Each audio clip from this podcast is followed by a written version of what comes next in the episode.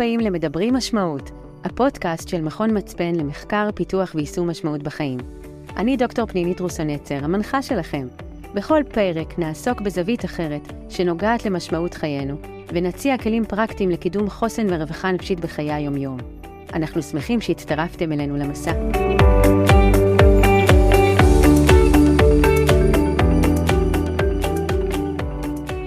ברוכים הבאים. כל תיאוריה קלינית מציעה תפיסה לגבי מקור התפתחותן של הפרעות פתולוגיות המשפיעות על תפקוד והסתגלות למשימות החיים. הלוגותרפיה מציעה את התסכול הקיומי והריק הקיומי כשני מצבים המובילים להופעתם של סימפטומים שגורמים למצוקה. התסכול הקיומי נמצא בלב ההוויה האנושית, ונובע מעצם היותו של האדם יצור תבוני המודע למוות ולסופיות שלו, ולפיכך שואל גם לגבי משמעות חייו. השאיפה למשמעות לצד היעדר המענה הברור לשאיפה הזו, מובילה את האדם להיחשף לתסכול הקיומי הנמצא שם כל הזמן, כאשר היכולת לשאת אותו ולהימנע מהשפעותיו ההרסניות כרוכה במציאת דרך ומשמעות לחיינו. התסכול הקיומי, כאשר אינו מקבל מענה לאורך זמן, עשוי להתפתח לחוויה של ריק קיומי. הריק הקיומי, לעומת התסכול הקיומי, איננו מצב נתון, אלא התפתחות פתולוגית, כאשר חיפושיו של האדם אחר משמעות נכשלים, ושאיפתו למשמעות מתוסכלת על ידי גורמים שונים. היום נדבר יותר על מהו תסכול קיומי, מה גורם לו ואיך אפשר להתמודד איתו. נמצא איתנו היום דוד מעוז ישראל, פסיכולוג, מטפל במצבי טראומה, חולי ואובדן, וחיפוש רוחני אחר תחושת משמעות.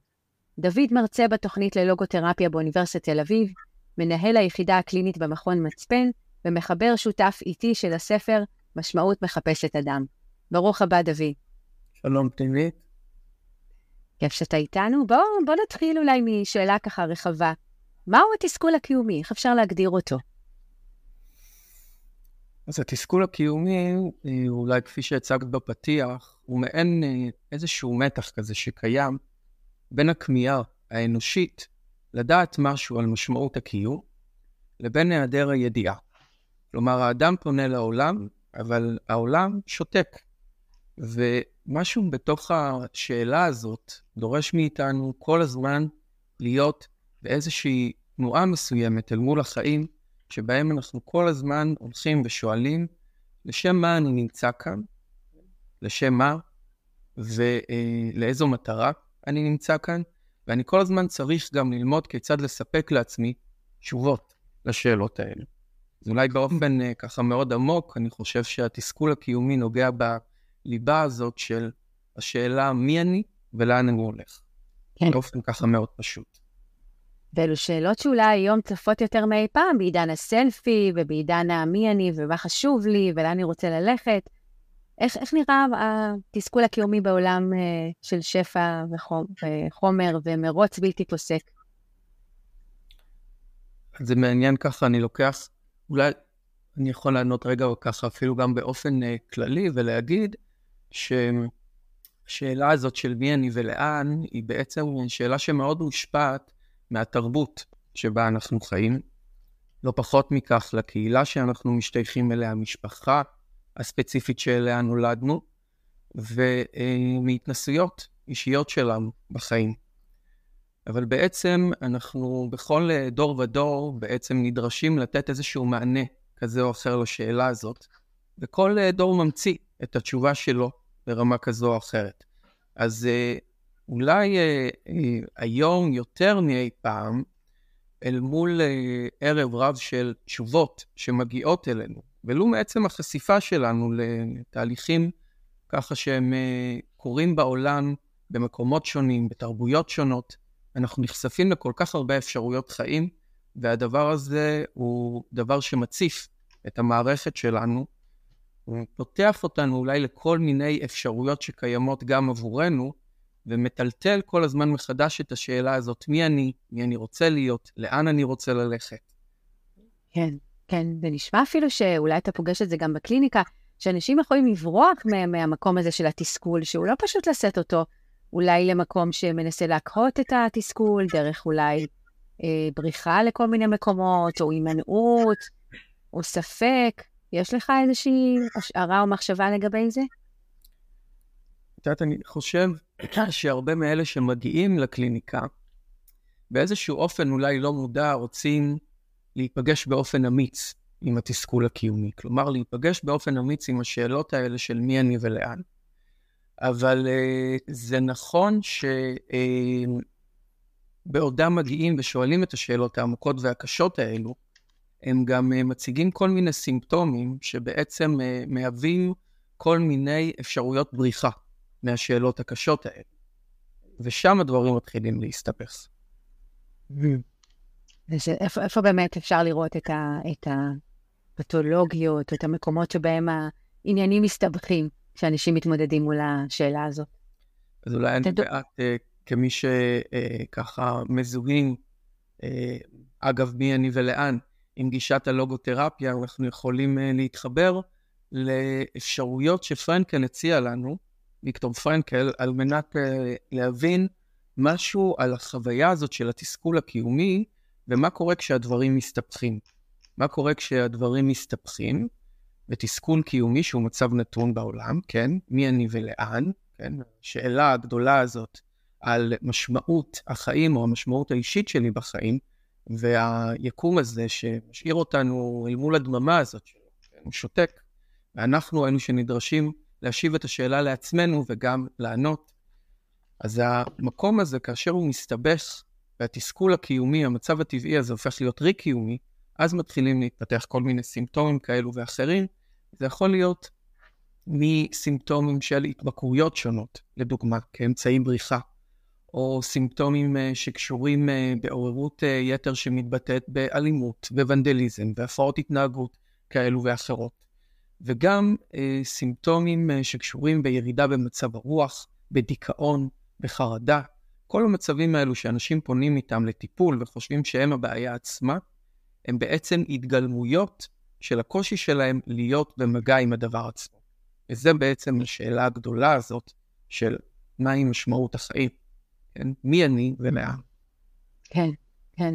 אתה יודע, זה מזכיר לי, יש uh, קטע מאוד מרגש שנתקלתי בו לפני כמה זמן של uh, חתן פרס נובל לספרות הרולד uh, פינטר, uh, בספר אפר ועפר, והזכרת לי את זה במה שככה אמרת קודם, ואני רוצה להקריא קטע ממש קצר משם. בתרגום לעברית של, של עוזי וייל, תיזהרי איך שאת מדברת על אלוהים. הוא האלוהים היחידי שיש לנו. אם תתני לו ללכת, הוא לא יחזור. הוא אפילו לא יזרוק מבט מעבר לכתף. ואז מה תעשי? את יודעת איך זה ירגיש לך, כזה ואקום? זה יהיה כמו אנגליה נגד ברזיל בוומבלי, ואין אף נפש חיה באיצטדיון.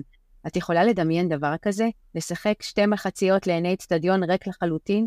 משחק הכדורגל של המאה. שתיקה מוחלטת, אפילו לא צופה אחד. שתיקה מוחלטת, חוץ משריקות השופט ולא מעט קללות גסות. אם את מפנה עורף לאלוהים, זה אומר שהמשחק הנאצל והנפלא ששמו כדורגל, ייפול אל תוך תהום השכחה המוחלטת. בלי תוצאה למשחק, הערכה אחרי הערכה אחרי הערכה לנצח נצחים, היעדרות, תיקו, שיתוק, עולם ללא מנצח. אני מקווה שאת קולטת.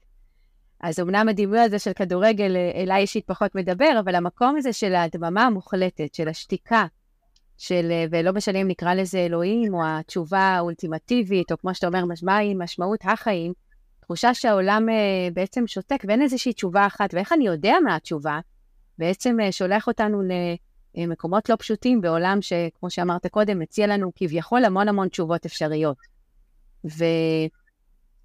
אבל את ממש בתוך הציטוט הזה, אני חושב, נוגעת בליבה של הסוגיה, וגם אה, אולי מכוונת אותנו אה, לכיוון הפרקטיקה של ההתמודדות. כן. כי זה בדיוק המעבר הזה שאנחנו עושים כבר, אגב, עשרות שנים, ממקום אה, של סמכות חיצונית, שבעבר הייתה קובעת לנו מה נכון, מה ראוי, מה אנחנו אמורים לעשות, כן? לאיזשהו הכרח בתוך עולם שבו אנחנו נחשפים לאמיתות רבות ומגוונות שמעוררות בנו שאלות. כלומר, אין כבר את המובן מאליו. אנחנו לא יכולים לנוח על uh, המצע הזה שמוצע לנו על ידי התרבות, uh, שמכוון אותנו לאיזושהי אמירה כזו או אחרת, uh, מאוד הרמטית, למי אני ולאן אני הולך. אלא בתוך העולם הזה שרווי בכל כך הרבה אפשרויות, בכל כך הרבה אופנויות חיים, אני כבר לא יכול לחיות תחת האשליה הזאת יותר. אני מבין שיש עוד המון אפשרויות מעבר לאלו שנחשפתי אליהם כילד, מעבר לאלו שאני נחשף אליהם אולי היום, אולי אני עוד צריך לצאת למחוזות חדשים ולגלות, אבל בסופו של דבר הסוגיה הזאת היא סוגיה שקשורה ליכולת שלנו לעבור מסמכות חיצונית לסמכות פנימית. מה זה אומר סמכות פנימית? כן, זה, זה כבר לא המקום הזה של אלוהים, כל יודע שנמצא שם בחוץ, אלא לזהות את האלוהות הזאת שבתוכי, כלומר את הדבר הזה שיודע את הקול העמוק, האותנטי הזה, שמספר לי לאן ו- ומי אני? שנוגע בשאלות כן. המהותיות האלה. כן, כן, ההקשבה הזו לקריאת החיים. אה, אני רוצה ככה אולי שננסה למפות, אה, גם למי שמקשיב, אה, מה עם אולי הסוגים של ההתמודדויות, הקושי בהתמודדות עם התסכול הקיומי? אנחנו יודעים שכשלאדם יש קושי להתמודד עם התסכול הקיומי, מופיעות נוירוזות רוחניות שמצביעות על זה שהגישה הזאת לא, לאותו מימד, לאותו קול שיודע, כמו שציינת קודם, חסום. והלוגותרפיה מציינת כמה נוירוזות כאלה. אולי ככה נציג אותם, או אפילו בקצרה, כל אחת מהן. אני, אני חושב שהלוגותרפיה נוגעת uh, בסוגיה הזאת של השאלה המהותית הזאת שנמצאת ב, בליבה שלנו בצורה מאוד מעניינת, גם בהצעה שלה לגבי כל מיני דפוסי התמודדות מסוימים שבאים לידי ביטוי, כי כשאנחנו מדברים על נוירוזות בעצם אנחנו מדברים על איזושהי רמה מסוימת של פתולוגיה, כן? נוירוזות רוחניות, כלומר, כיצד האדם מתארגן עם רוחו אל מול העובדה הקיומית הזאת, שיש בו קול חזק שזועק למשמעות, אבל יש יקום ששותק. כיצד הוא כן. מתארגן אל מול הדבר הזה? ופרנקל מציע כמה נוירוזות, כלומר כמה אופני התמודדות בלתי מסתגלים, זה חשוב לי להגיד, כי כן חשוב שאנחנו נוכל לעשות את ההפרדה הזאת בין אה, אה, אה, אופנויות מסתגלות יותר אל מול השאלה הזאת, לאופנויות שגורמות לנו הרבה פעמים לתסכול, ולריק קיומי ולאובדן דרך ולהמון בלבול. ובעצם אה, האופנויות האלו שאנחנו אה, יכולים לראות שם זה אופנויות שעוזרות לנו אה, למצוא איזושהי דרך להתמודד עם השאלה הכואבת הזאת. כן. השאלה הכואבת הזאת, ואחת מהן לדוגמה, זה גישה שהיא מאוד גם רווחת. בתרבות שלנו כיום, בעיקר בקרב הצעירים, אבל לא פחות מהם גם מבוגרים שמתחילים להידבק בגישה הזאת, וזו הגישה ההרפתקנית. כלומר, אם אינני יודע משהו על מי אני ולאן, אם אינני יודע משהו על איזושהי אמת מוחלטת לגבי החיים האלו, ואין מי שיגיד לי, אז אני רוצה להתנסות בהכל מהכל. Okay? כן? אני אה, הופך למעין אה, אה, אדם כזה שהרוח שלו היא מאוד לא שקטה. אני רוצה לחוות עוד ועוד, להתנסות עוד ועוד, מתוך איזושהי כניעה, אולי שאני אצליח לגלות איזושהי תשובה, אבל הרבה פעמים אנחנו רואים שהדבר הזה עובר כמו מעין אה, איזשהו תהליך ממאיר, אפילו הייתי קורא לזה, שבו חוויית הפומו רק הולכת וגוברת, והתחושה של היעדר דרך ובלבול רק הולכים וגוברים, וזה אחת הנוירוזות הקיומיות לדוגמה. רוזה אחרת שהיא יותר אופיינית אה, לדור אה, עבר שלנו, זה הנוירוזה הפעלתנית. זו נוירוזה okay. אוקיי. שמאפיינת יותר אנשים קונפורמיסטים, כלומר כאלו שמקבלים על עצמם, אלו שהם אמיתות מבחוץ, אמיתות uh, שיכולות להיות uh, מזוהות עם ההמון או עם הכלל, כן? Mm. כלומר, uh, ככה כולם עושים, כן? למה, למה אנחנו אמורים uh, uh, uh, לעשות את זה, כן? התשובה היא, כי ככה כולם עושים, כי זה מה שאנשים עושים. ושם... או התמכרות יכולים... אה, למשל לעבודה, או התמכרות לעיסוק במראה החיצוני, כדי להיות כמו כולם. באיזשהו מובן. לדוגמה, זה בעצם אה, כל מיני אה, תשובות שאנחנו נותנים לעצמנו, ושוב פעם, אנחנו נזכיר, המצב הטבעי שלנו הוא מצב של תסכול קיומי, כלומר, הוא מצב של היעדר ידיעה, אבל אנחנו מקבלים על עצמנו תשובות אה, אה, שמגיעות מהרוב. כלומר, אם הרוב עושים, אז זה מה שנכון. אנחנו יודעים כבר שזה שהרוב עושה, זה לא מה שנכון. להפך, זה שהרוב עושה את זה, זה בדרך כלל כי זה לא מה שנכון. כלומר, כל אחד מאיתנו צריך למצוא את הקול הייחודי שלו בתוך כל התהליך הזה, אבל uh, אנשים מאוד נוחים להזדהות עם הכלל, הם מרגישים שכשהם עושים את מה שכולם עושים, אז הם בדרך, פחות או יותר, וזה הרבה פעמים uh, מקום שבו אנחנו מתקשים לשאול את השאלות, אז אנחנו מעדיפים להסתפק בפתרונות כלליים. Mm, כן. נוירוזה נוספת היא אה, הנוירוזה הספקנית, שהיא נוירוזה מאוד uh, טרגית ולא פשוטה. היא הרבה פעמים מלווה דווקא את האמיצים מאיתנו, שיכולים להישאר קצת יותר קרובים לחוויה הזאת של התסכול הקיומי ולהתמודד עם הספקות האלו לגבי החיים, שבאמת אנחנו לא יודעים מה נכון. רק שבנוירוזה הספקנית אנחנו רואים גם מעין איזשהו תהליך ממאיר וקשה, שבו האדם הספקן מוצא את עצמו תמיד נע בין בחירה אחת לאחרת, מבלי לממש אף אחת מהן. ברוב הזמן הוא בעצם כופה במקומו, והקיפאון הזה לא באמת מאפשר לו לצעוד באיזשהו נתיב מסוים בחיים. הוא פונה בדרך כלל למומחים שונים שיוכלו לתת לו תשובה לסוגיה שאיתה הוא מתמודד, שיגידו לו מי הוא ויגידו לו לאן, אבל אה, אנחנו יודעים ששום תשובה מבחוץ לא יכולה באמת להיות מספקת, מכיוון ששוב פעם אני מחזיר אותנו לאמירה הזאת שאנחנו נדרשים לעשות את המעבר הזה מסמכות חיצונית לסמכות פנימית, פנימית וללמוד כן. כיצד אנחנו מזהים את הקול הזה שנמצא בתוכנו ולומדים להקשיב לו. נכון. זה הנוירוזה הספקנית. ולצד אלה, אולי יש לנו גם את, ה, את הייאוש, נכון? זאת אומרת, אה, יש לנו איזה, איזה fight, אה, כן, אנחנו נלחמים, בולעים את העולם, יש לנו איזה freeze כזה, אנחנו לא מחליטים, ואולי איזשהו מקום. כן, יש לנו עוד שתי נוירוזות שהן מאוד קשות, שאנחנו יכולים לראות אותן. יש לנו את הנוירוזה הפנאטית יותר, היא פונדמנטליסטית יותר, כן? אנשים שמזוהים עם איזושהי אמת אחת. הם לוקחים אותה מהחוץ, נדבקים אליה, מדביקים אותה לזהות שלהם ואומרים זו האמת, ואין אמת אחרת בלתה, כן? הדבר הזה הרבה פעמים uh, מוביל uh, לכל מיני uh, פרקטיקות כאלו שהן מאוד קיצוניות ויכולות להיות גם מאוד פוגעניות. זה ברמה הקשה יותר, כי אנחנו יכולים הרבה פעמים להזדהות עם איזושהי אמת מסוימת שהיא אמת מאוד קשה, אולי טובה לנו, אבל מאוד קשה לאנשים אחרים, ואנחנו מוכנים למחוק המון אנשים בדרך כשאנחנו הולכים עם האמת הזאת.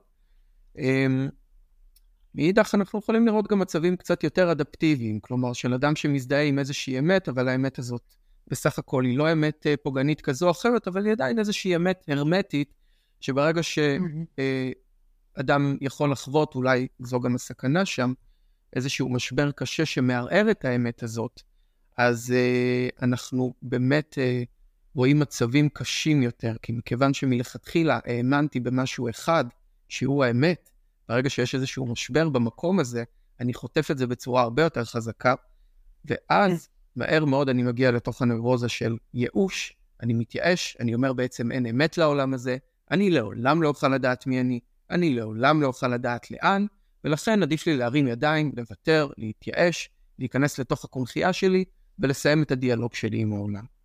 וזה המצב הטרגי ביותר. התייחסת אליו בפתיח שלך כשאמרת מה קורה כשאנשים עוברים למצב של ריק קיומי. נכון. כן? נכון. זה ממש המצב של המעבר לריק בשיאו. שם אנחנו באמת רואים את הייאוש הקיומי הזה במלוא חומרתו. נכון, נכון. אז באמת, אם, אם כדי שנשאר בסוג של, נקרא לזה, אופטימיות טרגית, אז אה, בואו בוא אולי ככה נחשוב במה הלוגותרפיה יכולה להציע לנו כדי באמת לעבור מה... השאלה הגדולה הזאת של משמעות החיים, שאנחנו הרבה פעמים אה, מתוסכלים מהמפגש איתה, אה, לעשות איזשהו היפוך, שפרנקל קורא לו היפוך קופרניקאי כזה, במקום אה, לשאול אולי מה משמעות חיי, מה אני מצפה מהחיים, מה החיים חייבים לי, אולי לשאול מה החיים מצפים ממני, זאת אומרת, מה הקריאה פה עבורי, מה המשמעותי עבורי, לכוון את המצפן, כמו שאמרת קודם, פנימה.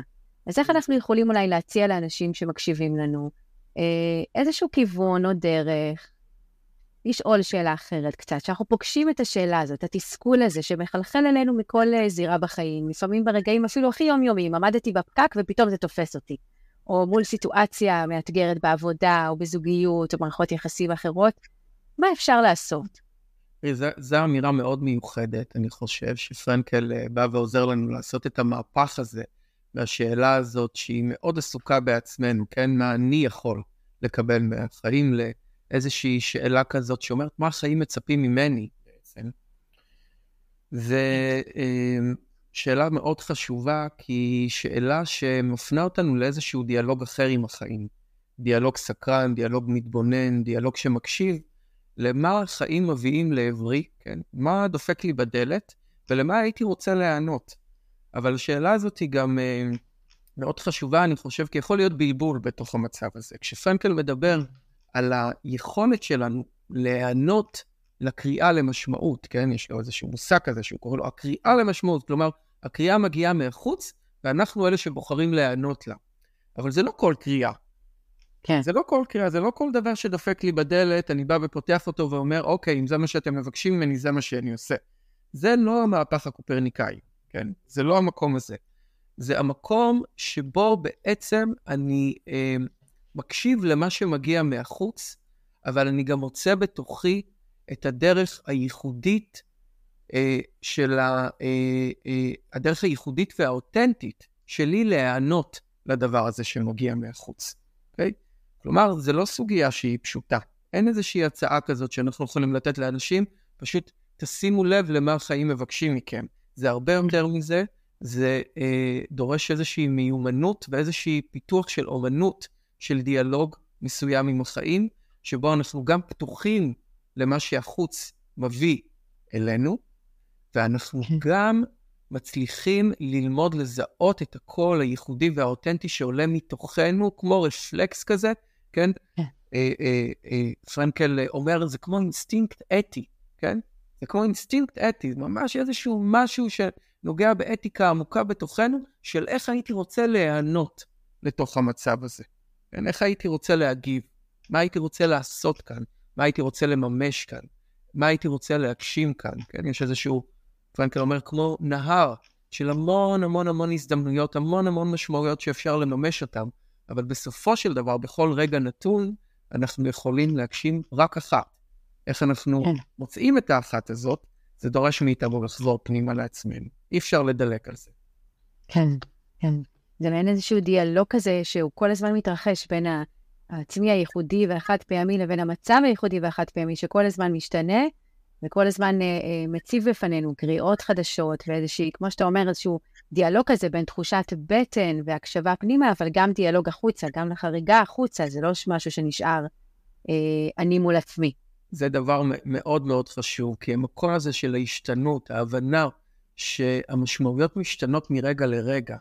יש כל כך הרבה משמעויות שאפשר להגשים, ואני צריך לבחור רק אחת, זה בדיוק המעבר הזה שדורש ממני לעשות איזשהו מהלך מהשכל, מהתבניות האלו הקבועות שאני מסתובב איתן בעולם, למה נדרש ממני בסיטואציה הייחודית הזאת, בזמן הייחודי הזה.